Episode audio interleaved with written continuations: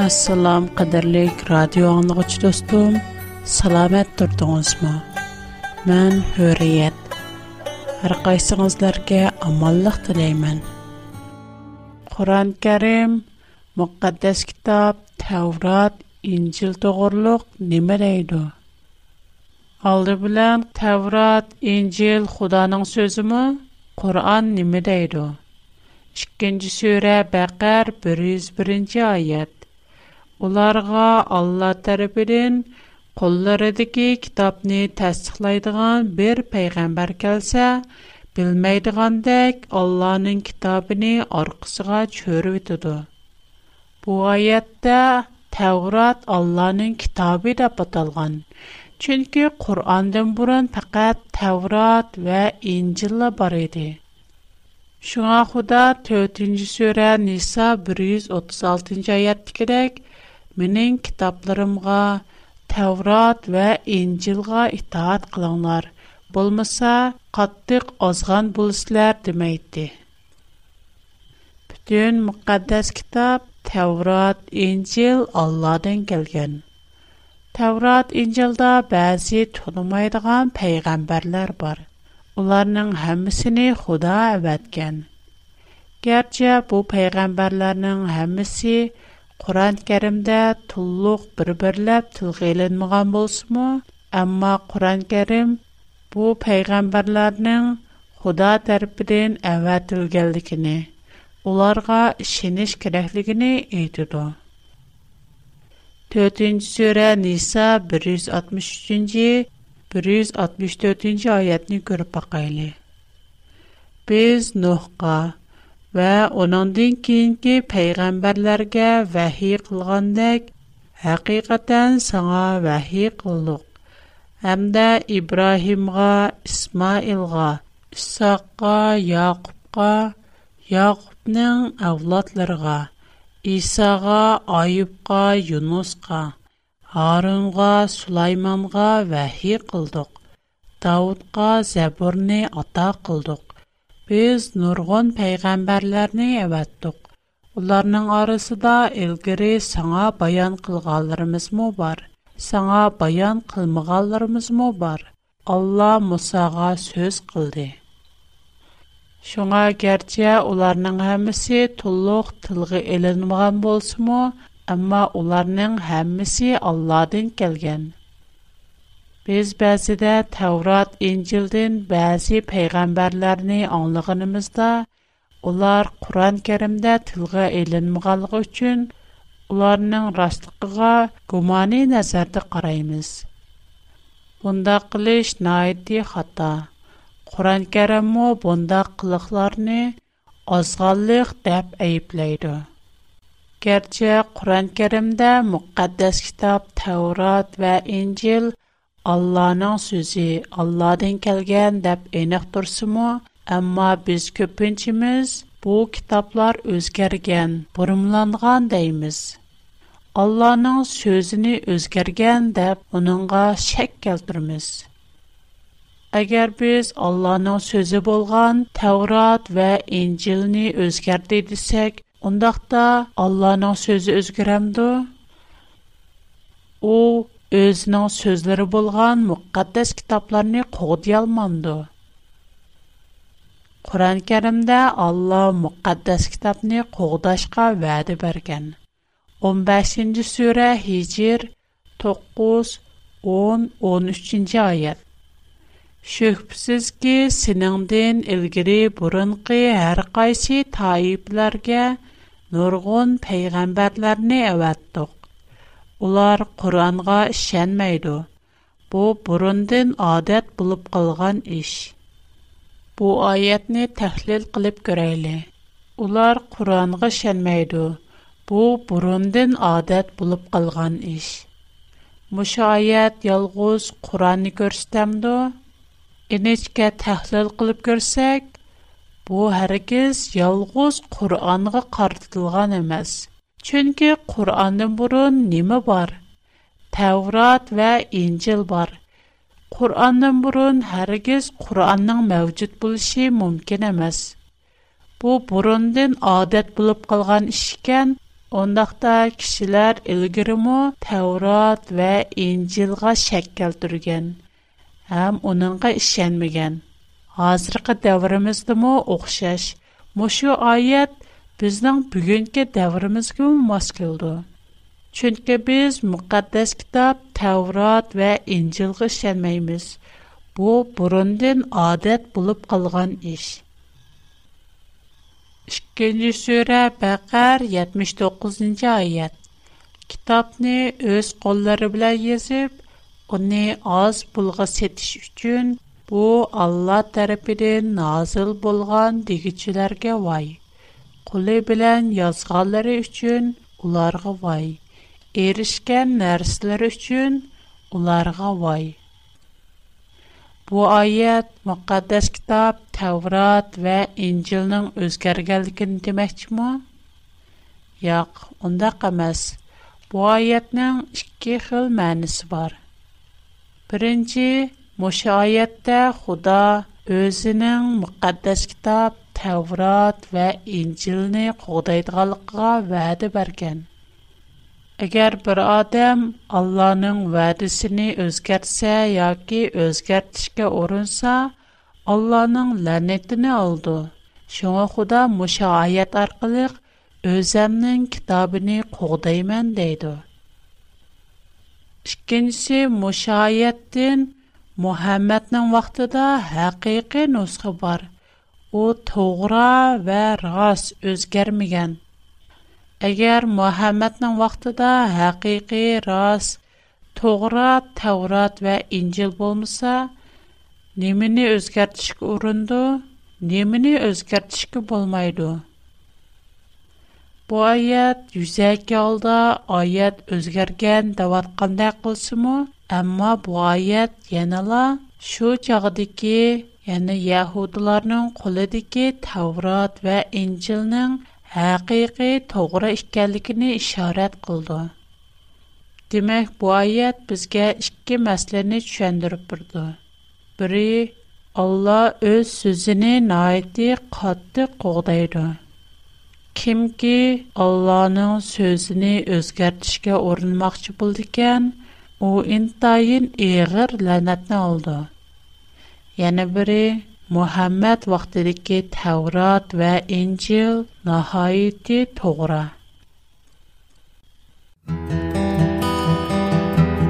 Программа ахырда достумга адресымны тап бермәкчмен. Әгәр мен белән алакалашышны халысыңыз, қалам ва кәгазь таярлап койсаңыз, программа ахырда адресымны хатırlап ала Дүн мүкаддэс китаб Алланын китаби. Куран керимда Таурад инцил өзгерміген. Ишкенч жүре бақар қырык қырых бірінча айят.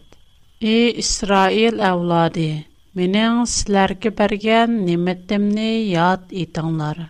Маңа барген ваданларге ва па қыланлар. Маму сіларгі қылан вадамге ва Мэндэлла қорқынлар. Мән назыл қылған тавратни тасты қылғычи қуранға иман келтірунлар. Қуранни бірэнчі бұлуп инкар қылғычи болмаңлар. Айэтларымни әрзан ба хады сетвэтмаңлар. Маңа тэквадарлы қылыңлар. Уланын құлыда, яни яхудыларнын құлыда немі бар? Таврат бар. Мухаммаднын вақтыда уларнын қолэдэкі тәурат бұрынғыс әмәс, бәлкі Мухаммаднын вақтыдэкі азырғы тәурат нахайды тоғыра дейді. Онын сүрі Юнус 64-ci айет. Алла вәдісіге қылаплық қылмайды. Әнішу қатта бәқіттір. Оныңдың башқа, Башқы тарчимиларда муша айят «Худанын сөзіни харгиз өзгерт талмайду» деп тарчимы қылынған. Буна мәнісі німе? Мәнісі, хатта Худаму өз сөзіни өзгерт талмайду. Булып му уйғадж тарчимиси шундах дейду. Алла өзінің вәдісіге хылаплы қылмайду Чөнки Алла найди растчыл. У бер эшне кылышка вәд кылган икән, чокым шундый булды. Qur'on muqaddas kitob Tavrot va Injilning o'rnini olamdi.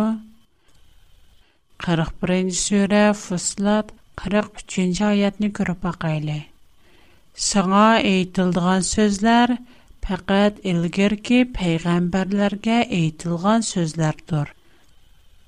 Bu айатның mənisi pəqət başqa pəyğəmbərlər tilqi elinməğən bulublu qalma, yenə Muhammed kə eytilğən sözlərinin həmisi başqa pəyğəmbərlərgə, onun dün burun ötgən pəyğəmbərlərgə eytilğən sözlərdən ibarət. Çünki xuda insanlar qoxşaş, özünün sözünü ұntıp o'z va'disiga vafo qilmaydigan yolg'onchi emas xudoning so'zining o'zgarishi mumkin emas shundoqla xudo o'zining so'zini o'zgartolmaydi Bundaqda nima uchun Qur'on maydonga kelgan? 6-sura An'am 154-oyatdan 156-oyatgacha. Sizlarning faqat Bizdin ilgirki iki taipiqla kitab nazil qilingan. Уларның оқыған китапларыден біздің задыла хабарымыз йоқ деместікмалар үшіндір. 32-ні сөра сәйді 3-ні айет. Сәндін үлгірі ешқандақ бір пейғамбар келмеген бір қавымны хидайет тапсын деп, ularni ogohlantirishing uchun Parvardigoring tarafidan kelgan haqiqatdir. Yuqorida bir necha oyatni ko'rib o'tdik.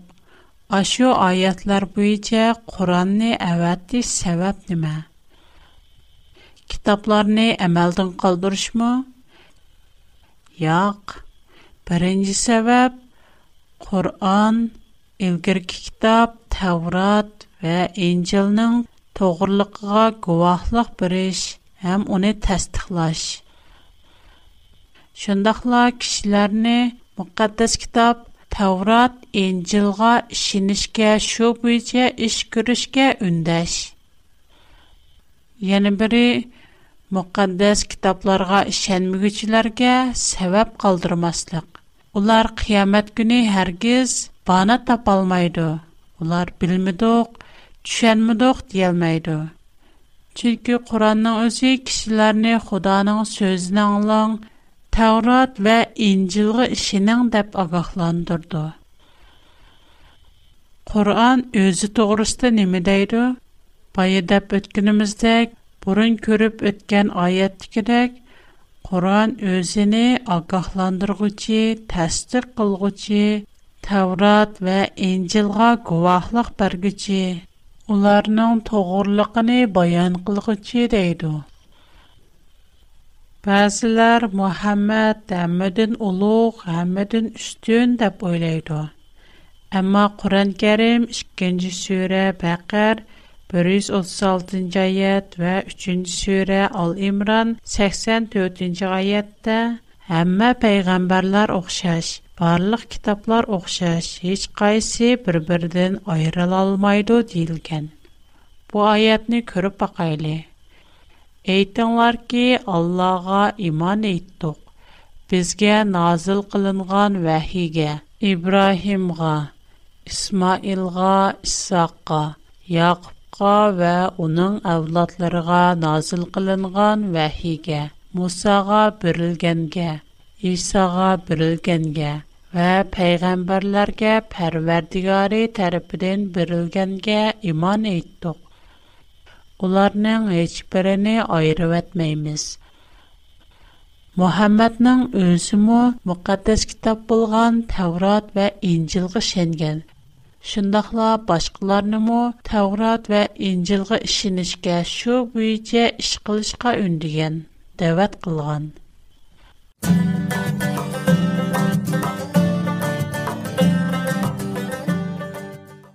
Ba'zilar Xudoning kitobi to'g'ri, ham ishonamiz. Biroq u bizning qo'llanma emas, u bizning yetakchi emas, ijro qilmayman deydi. Muqaddas kitobga bo'ysunish kerakmi yoki ijro qilish kerak emas? U bizning yetakchi emasmi? 2-нче сүре Бәкәр 53-нче аят. Өз вакытыда силәрне һидаят тапсын дип Мусага хакны батылдан айыргычы китапны бердек. Муша аятта Таврат кешеләрнең итәкчесе, яхшы белән яманны айыргычы, инсанларның юл күрсәткечесе Чөнки Тәуратның үзе тогра хатаны айрыйды һәм уныңга энек үкем чыкырды. Тәуратның үкеме хукуклык. 3-нче сүре Ал-Имран 3-нче 4-нче аят. Özidin ilgirki kitablarını təsdiq qılğıcı haq kitabını sana nazil qıldı. İlgiri kişilərgə yol körsətkiç qılıb, Tavrat bilan İncilni nazil qilgan edi. Haq bilan batilni ayirg'uchi kitobni nazil qildi. Бу oyatlarning ma'nosi intayin ochiq emasmi? Tavrat ва İncil butun insonlarning yo'l boshlag'uchisi, yo'l ko'rsatkichisi, yetakchisi qilingan. Шуңа уны оқышлы күпайы қылмайды. ularni ham ijro qilish kerak agar biz mushu kitobni ijro qilmasak qandoq oqibatga qolamiz bu kitob bo'yicha ish qilmasak xudoning yo'li o'zgardimi ko'chib ketdimi qur'onda qandoq narsa to'g'ri yo'l ikkinchi sura baqar bir yuz ellik to'qqizinchi oyat Бу китапта кишләргә туры юлны энек баян кылгынымыздан киен без назил кылган рошен дәлилләрне ва туры юлны юшердиганларга Алла ланет кылды. Ланет кылгычлармы уларга ланет кылды. Кайсы китапта кишләргә туры юл энек баян кылынган? Алватта Таурат ва Инчилда кишиларге тоғыр ёл баян қыланған. Худанын шариди ва вахиси уларнын қолуды бар, яни, яхудыларнын қолуды бар. Болмаса улар немини юшырду? Хеш немини юшыр алмайды. Агер оныңа бойсынмасақ, нег барымыз? Худа бізге муқаддас китаб Təvrat və İncilni icra qılmaslıqni hərgiz demedi. 2-ci surə Bəqər 87-ci ayət. Şək çökübsiz ki, biz Musağa kitab bərdiq. Onundan keyin arqım-arqa peyğəmbərlər əvətdiq. Məryəm oğlu İsa'ğa möcüzələr bərdiq. Həmdə onu Ruhil Qudus bilən yoluduq. Һәркачан берәр пайгамбар күңелләргә яқмай диган бер нәрсә илеп кэлсә, тәкәббүрлек кылабызлар. Бер кисәм пайгамбарларны инкар кылдыңлар, яны бер кисәм пайгамбарларны өлтүрдыңлар. Бу аяттен Худаның газып инеп чыктырды. Худа kitobni inkor qilganlarga noiti qattiq xafa bo'ldi chunki xudoning so'zini ijro qilmaganlar bor biror payg'ambar o'lib ketishi bilan uning so'zini ijro qilmaslik kerakmi ular o'lgandan keyin ularning so'zi o'zgarib ketamdi ular hakovurluq takabburlik qilib haqiqatga bo'ysunmidi shunga xudo qattiq xafa bo'ldi Әгәр безмо тәкәббурлык кылып, Худаның сөзиге буйсынмасак, сөзене иҗра кылмасак, безнең акыбетimiz нимә? Мошу сүредәге бу гәпләр фақат яһудлар өченме? Бу аятлар безгеме картылган эмасмы? Худа хакыйкать әвәткәндә Худаның арзусы нимә? Худа чукум инсаларның оның сөзіні, аңлышыни, бойсунышыни, хэм шу бұйча ігра қылшыни арзу қылды. Худа Куранда муқаддас китап, таврат, инжилни оқуш керек му, амас му, бұ тогурлог нема дайду? Шикенжі сөре бақар, 78-жы айад. Onların savadsızları kitabni okumaydı. Oydurumunu la bildi. Guman bilen la iş qıldı. Demək bu ayətin mənası Xudanın sözünü pərəz qılışqı bulmaydı. Şək keltirishga texmo bulmaydı. Şuna Xuda onlarını əyibləb, ular gumanxorlar, savadsızlar deydi. Xuda bizning müqəddəs kitab, Tevrat, İncilni oxuşumuzni arzu qılandı. Şundaq əlbəttə Xuda bizning ularni oxuşumuzni həm yaxşı bilişimizni, düşünüşümüzni xalaydı. 3-cü surə Al-İmran 65-ci ayət. Ey əhli kitab, nə üçün İbrahim toğrusunda münazirəlisizlər? Halbuki Təvrat bilən İncil İbrahimdən keyin nazil boldu. Düşənməmsizlər? Demək şu çağda müqəddəs kitab Tavrat, İncil Yahudilərinin qolunda bolsunmu, amma bəzi Yahudilar kitabni yaxşı oxumağan yoki düşənməyən. Şuna Xuda onları ayıplagan. Yana şu surə 79-ayət. Алла برر инсанга غا کتاب نه حکمت кин, پیغمبر لخ نه برگندین کین اون اینکشیلر گه الله نه قیوب معا بند بلون لار دیشی لایح بول میدو китапны کین һәм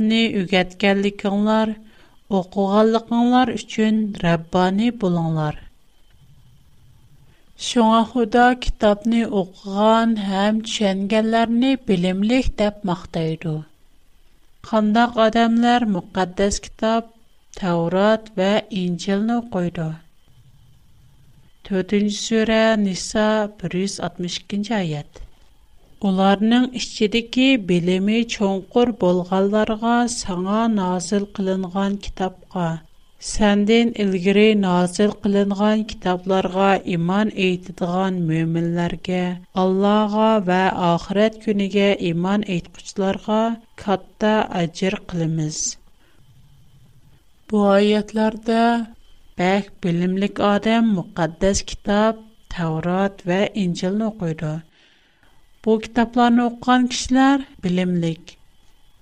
Алла безнең мөхәддәс китап Təvrat və İncilğa işinişimizni ümid qılamdı. 57-ci surə Hədir 19-cu ayət və 10-cu surə Yunus 95-ci ayət. Allah'a və onun peyğəmbərlərə iman etdilər. Ana şular Pərverdigarının dərgahında sidiqlardır.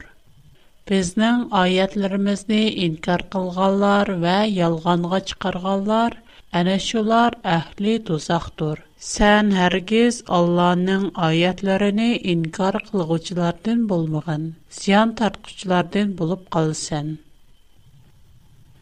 Bu ayətlərin mənası Allah bizdən bütün müqəddəs kitab, Tevrat və İncilğa işinişimizni ümid qıldı. Əgər biz İncil və Tevratni inkar qılsaq, çoxum ziyan tartqucu. Bundaqda Алла bizning бүтән muqaddas kitob Tavrat va Injilni qabul qilishimizni orzu qilamdi yoki bir qismnimi? 3-nji sura Al-Imran 184-nji oyat. Ular seni yolg'onga chiqargan bo'lsa, sendin ilgari o'tgan mo'jizlarni, kitoblarni va nurliq kitobni Элеп келгән Нургон пайгамбарлармы yalğangğa чикырылган иде. Бу ярд тийләткан Нурлык китап, тел Худаның сөзе булган Тавроат вә Инҗилдер. Тавроат вә Инҗил Нурлык китап, өндә Нур вә хидаяәт бар. 2-җи сүра Бақар 85-нче Силар, китабнин бір қсим ахкамларга шиниб, бір қсим ахкамларни инкар қылам силар. Силардин шунда қылгаларнин казаси пақэт айати дуняда харлыка калиш. Киямат гіни қаттық азапга дучар булышдыр. Алла қылмішынлардин ғабил амастыр. Мана бу Таурат ва Инжилнын бір кысым ахкамларын инкар кылганларның акыты. Әгәр без фақат өзімізге яққан бір қысым аятларыны құбыл қылып, өзімізге яқмайдыған біздің қиялымызға мұнасып келмейдіған көпліген аятларыны инкар қылсақ, біздің ақытымыз найты яман. Quran müqaddəs kitab Tavrat İncilni təsdiqləyir. Lakin təkrar qılmayır, inkar qılmayır. Yəni Quran müqaddəs kitab Tavrat İncilni qoğdayır. Biz bu vaxtki bir neçə ayətni görüb baxaylı. 2-ci surə Bəqər 41 48-ci ayət. Biz həqiqətən Tavratni nazil Təvratda hidayət və nur var. Biz sənə özüdən ilgirki kitablarını itiraf qılğıcı və onlara şahid bolğıcı haq kitabını nazil qıldıq. 10-cu surə Yunus 37-ci ayət. Lakin Quran ilgiri kəlgən kitablarını təsdiq qılğıcıdır. Allah bəlgiləyən əhkamlarını bayan qılğıcıdır. Мошуныңга оқшаш көплеген аятлар Qur'onning aslida Tavrot va Injilni tasdiqlash, guvohchi bo'lish, uningga shohidlik berish hamda uni qo'g'dash uchun kelganligini aytgan. Ахырда biz Qur'ondagi intayin muhim bo'lgan mono ikki oyatni ko'rib o'taylik. 10-sura Yunus 94-oyat. Мұбада сән саңа біз назыл қылған китаптен шәкленіған болсаң, сәнден үлгірі китап оқуғаларды сорап баққын. 13-ci сөрә Рәйт 43-ci аят. Мәккә куфарлары сән пәйғамбар әмәссән дейді. Әйтқын ки, растығымға сілер білән менің отыранда, Allah'ın guvahlığı ve Allah'ın kitabını bildiğanların guvahlığı yeterlikdir. Мушу аят буенча Qur'onning to'g'riligiga faqat Tavrat va Injilni bilganlarla guvohlik beralaydi.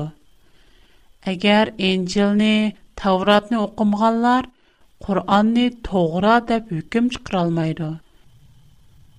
Yana Muhammadga guvohlik berguchilar Aldı bilən çoxum Tevrat və İncilni öyrəniş kerak.